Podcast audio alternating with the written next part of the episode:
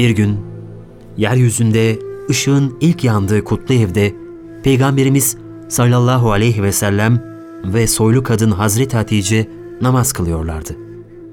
10 yaşına henüz yeni basmış olan aslan yavrusu Ali, seslere, şekillere ve hareketlere hayran bir halde onları seyrediyordu. Namaz bitince sordu. Bu nedir? Bu ibadettir. Allah'a ibadet. Allah'ın peygamberi vasıtasıyla bildirdiği gerçek dinin ibadeti. Işıklar bir sönüp bir yanıyor, her şey bir görünüp bir kayboluyordu. Yüzüne bakmalara kıyılamayan o sevimli aslan yavrusu karanlığa hiç bulaşmadan aydınlıklara dalıveriyor, küfürle hiç tanışmadan doğrudan imanla tanışıyordu. Hazreti Ali bir gölge gibi hep Allah'ın Resulünü takip ediyordu. Hiç ayrılmıyordu kainatın efendisinin yanından. Panayırlarda, çarşılarda onun yanında ondan hiç ayrılmayan bir çocuk görürseniz bilin ki o aslan yavrusu Ali'dir.''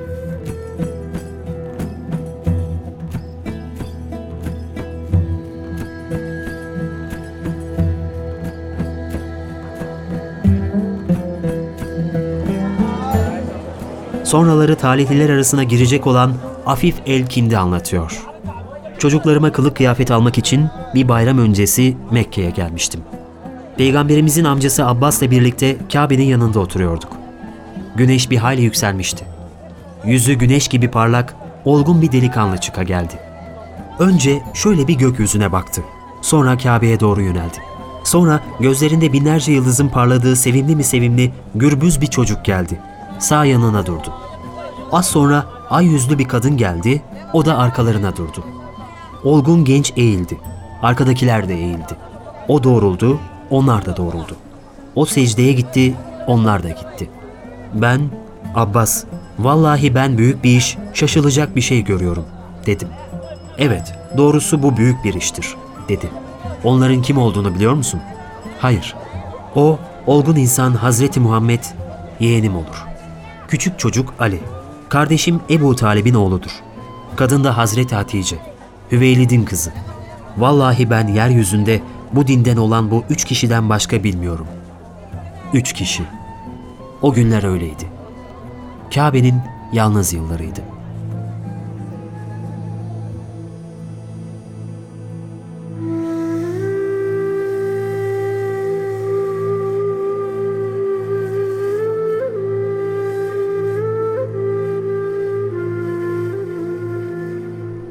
Bir gün kimsenin olmadığı bir saatte Allah'ın Resulü Hazreti Ali ile birlikte Kabe'ye gittiler.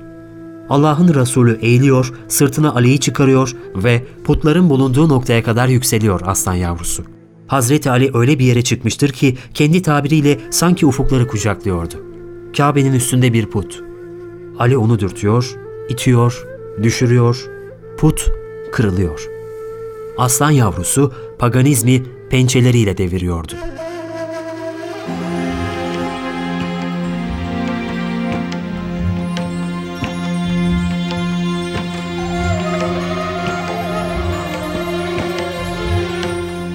İslam'ın muhalefetteki ilk mektebi olan Darül Erkam, Mekke'ye hakim bir tepede Safa'nın eteklerindeydi. Bu kutlu evin bekçisi bir aslan yavrusu olan Ali'ydi. Uzaklardan bir karaltı görür görmez hemen koşarak içeri haber veriyordu. Müşrikler Kabe'de kılınan namazlardan rahatsız oldukları için zaman zaman Peygamberimiz sallallahu aleyhi ve sellem ve Hazreti Ali namazlarını kırlarda kılıyorlardı.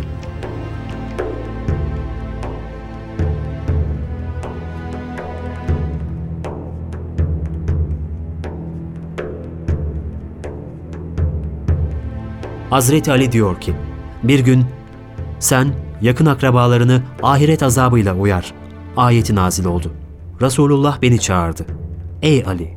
Yüce Allah en yakın hısımlarımı inzar etmeyi emretti. Bu bana çok kaygı verdi. Biliyorum ki ben ne zaman kavmime bu işi açmaya kalksam muhakkak hoşuma gitmeyen şeylerle karşılaşacağım. Bu sebeple bir müddet sustum. Bunun üzerine Cebrail aleyhisselam bana geldi. Ya Muhammed! Eğer emrettiği şeyi yapmayacak olursan Rabbin sana azap edecektir, dedi. Ya Ali, bize bir kap yemek hazırla ve üzerine de koyun budundan koy. Bir kapta süt getir. Sonra Abdülmuttalip oğullarını çağır da onlarla konuşayım ve emrolunduğum şeyi kendilerine tebliğ edeyim, buyurdu. Hazreti Ali, Peygamber Efendimizin emriyle hazırladığı şeyleri onlara ikram etti. Bir kişinin bile kendi başına yiyebileceği az bir yemeğin 40 kişiyi doyurduğunu gören Ebu Leheb, şaşılacak şey. Bizi büyük bir sihirle büyüledi. Doğrusu biz bugünkü gibi bir sihir hiç görmedik, dedi. Böylece Resulullah'ın konuşmasına imkan vermedi. Ebu Leheb'in sözü Resulullah Efendimizin çok ağrına gitmişti. Sustu ve o mecliste hiç konuşmadı. Orada bulunan herkes dağılıp gitti. Ancak o bu uğurda karşılaştığı sıkıntıları aldırmadan vazifesine devam etti. Ertesi gün akrabalarını tekrar topladı. Yine aynı zorluklarla karşılaştı. Daha sonra şöyle konuştu. Hamd Allah'a mahsustur. Ona hamd eder, yardımı da ondan dilerim. Ona inanır ve ona tevekkül ederim.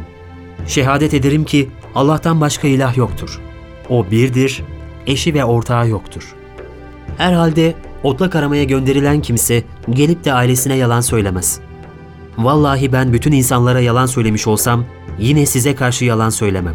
Bütün insanları aldatmış olsam yine sizi aldatmam. Sizi kendisine davet ettiğim Allah öyle bir Allah'tır ki ondan başka hiçbir ilah yoktur. Vallahi sizler uyur gibi öleceksiniz. Uykudan uyanır gibi de dirilecek ve bütün yaptıklarınızdan hesaba çekileceksiniz. İyiliklerinizin mükafatını görecek, kötülüklerinizin de cezasını çekeceksiniz.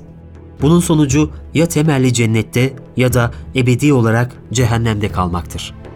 İnsanlardan ilk uyardığım kimseler sizlersiniz.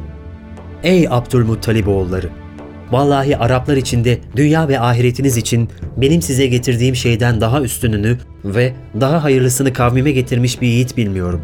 Ben sizi dile kolay gelen fakat mizanda ağır basan iki kelimeye davet ediyorum ki o da Allah'tan başka hiçbir ilah olmadığına ve benim de Allah'ın kulu ve Resulü olduğuma şehadet etmenizdir.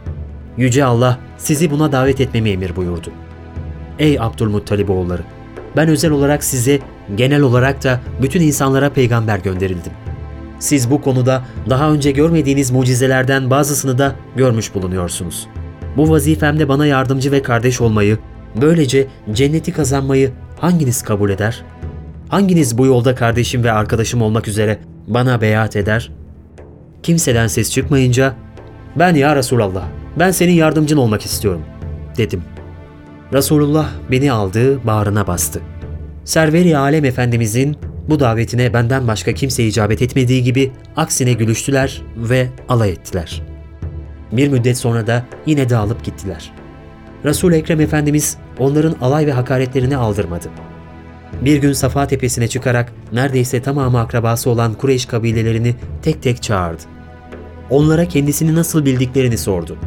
Biz seni bütün tecrübelerimizde doğru sözlü bulduk. Sen bizim aramızda herhangi bir suçla itham edilmiş de değilsin. Bugüne kadar senin yalan söylediğini duymuş değiliz, dediler. Bunun üzerine Allah'ın Resulü, Yüce Allah en yakın hasımlarımı azapla korkutmamı bana emretti. Sizler, La ilahe illallah demedikçe ben size ne dünyada ne de ahirette bir fayda sağlayabilirim. Ebu Leheb her zaman olduğu gibi yine hakarete bağırıp çağırmaya başladı. Hatta atmak için eline yerden taş bile aldı. Ancak resul Ekrem Efendimiz ne pahasına olursa olsun Allah'ın dinini anlatmaya, risalet vazifesini yerine getirmeye devam etti. Tek tek kabilelerin ismini sayarak ''Ey Fihroğulları, ey Kabeoğulları, şu dağın eteğindeki bir süvari birliğinin size saldırmak istediğini söylesem bana inanır mısınız?'' Onlar ''Evet inanırız. Sen daha önce herhangi bir suç ve kötülükle itham edilmiş birisi değilsin. Şimdiye kadar senin yalan söylediğini de görmedik.'' dediler. Resulullah sallallahu aleyhi ve sellem Ey Kureyş topluluğu! Kendinizi ateşten kurtarınız. Ey Abdülmuttalib oğulları! Kendinizi ateşten kurtarınız. Ey Haşim oğulları! Kendinizi ateşten kurtarınız, dedi. Daha sonra hususi olarak bazı şahıslara hitap ederek Ey Abbas bin Abdülmuttalib! Ben seni Allah'ın azabından kurtarabilecek hiçbir şeye sahip değilim. Ey Zübeyir bin Avvam'ın annesi! Resulullah'ın halası Safiye! Ey Muhammed'in kızı Fatıma! Kendinizi Allah'tan satın alınız. Siz benim malımdan dilediğinizi isteyiniz. Fakat ben sizi Allah'ın azabından kurtarabilecek hiçbir şeye sahip değilim.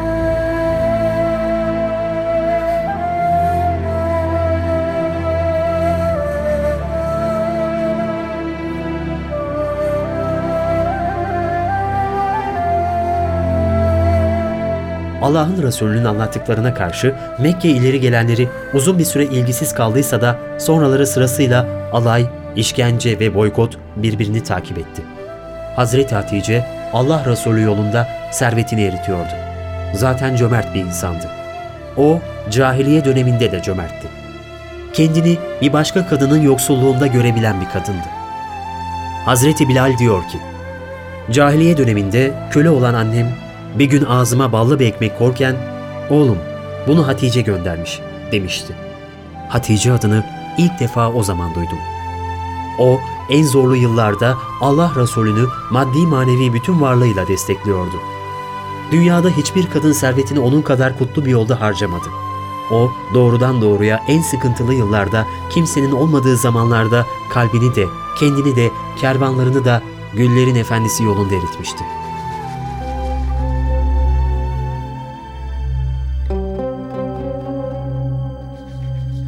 Her geçen gün yeni dine girenlerin sayısı artmaya başlayınca Mekkeliler sessizliklerini bozdular.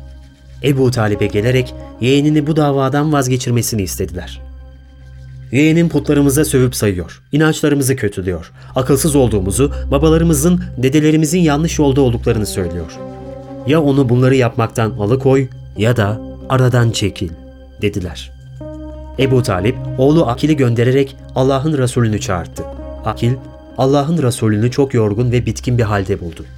Koluna girdi ve birlikte Ebu Talip'in yanına geldiler. Ebu Talip, yeğenim bak Mekke'nin ileri gelenleri burada. Senden davandan vazgeçmeni istiyorlar, dedi. Allah'ın Resulü onlara dönerek benim sizden istediğim bir kelimedir. Eğer bunu söylerseniz bütün Araplara hakim olursunuz. Peygamberimiz sallallahu aleyhi ve sellem bu sözlerle Araplara cihan hakimiyetinin yollarını açıyordu. Mekke'nin ileri gelenleri neymiş o bir kelime dediler. La ilahe illallah. Diniz ve putları kırınız. Mekke'nin ileri gelenleri küplere bindiler. Ebu Talip, yeğenim gel bu davandan vazgeç. Kendine ve ailene müthiş bir bela getirmemen için sana ricada bulunuyorum. Bana kaldırabileceğimden fazla yük yükleme.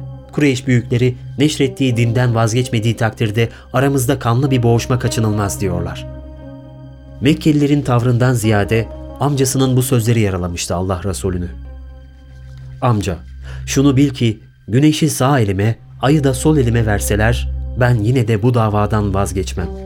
Ya Allah bu dini hakim kılar ya ben bu uğurda ölür giderim dedi. Sonra uzun kirpikleri ıslak, derin gözleri nemli bir halde kapıya doğru yürüdü. Allah'ın Resulü'nün kararlılığını ve kalbinin kırıldığını gören amcası, yeğenim git işine devam et, istediğini yap. Vallahi seni asla herhangi bir şeyden dolayı kimseye teslim etmeyeceğim, dedi. Ebu Talip karanlıkta durup aydınlığı savunan adamdı.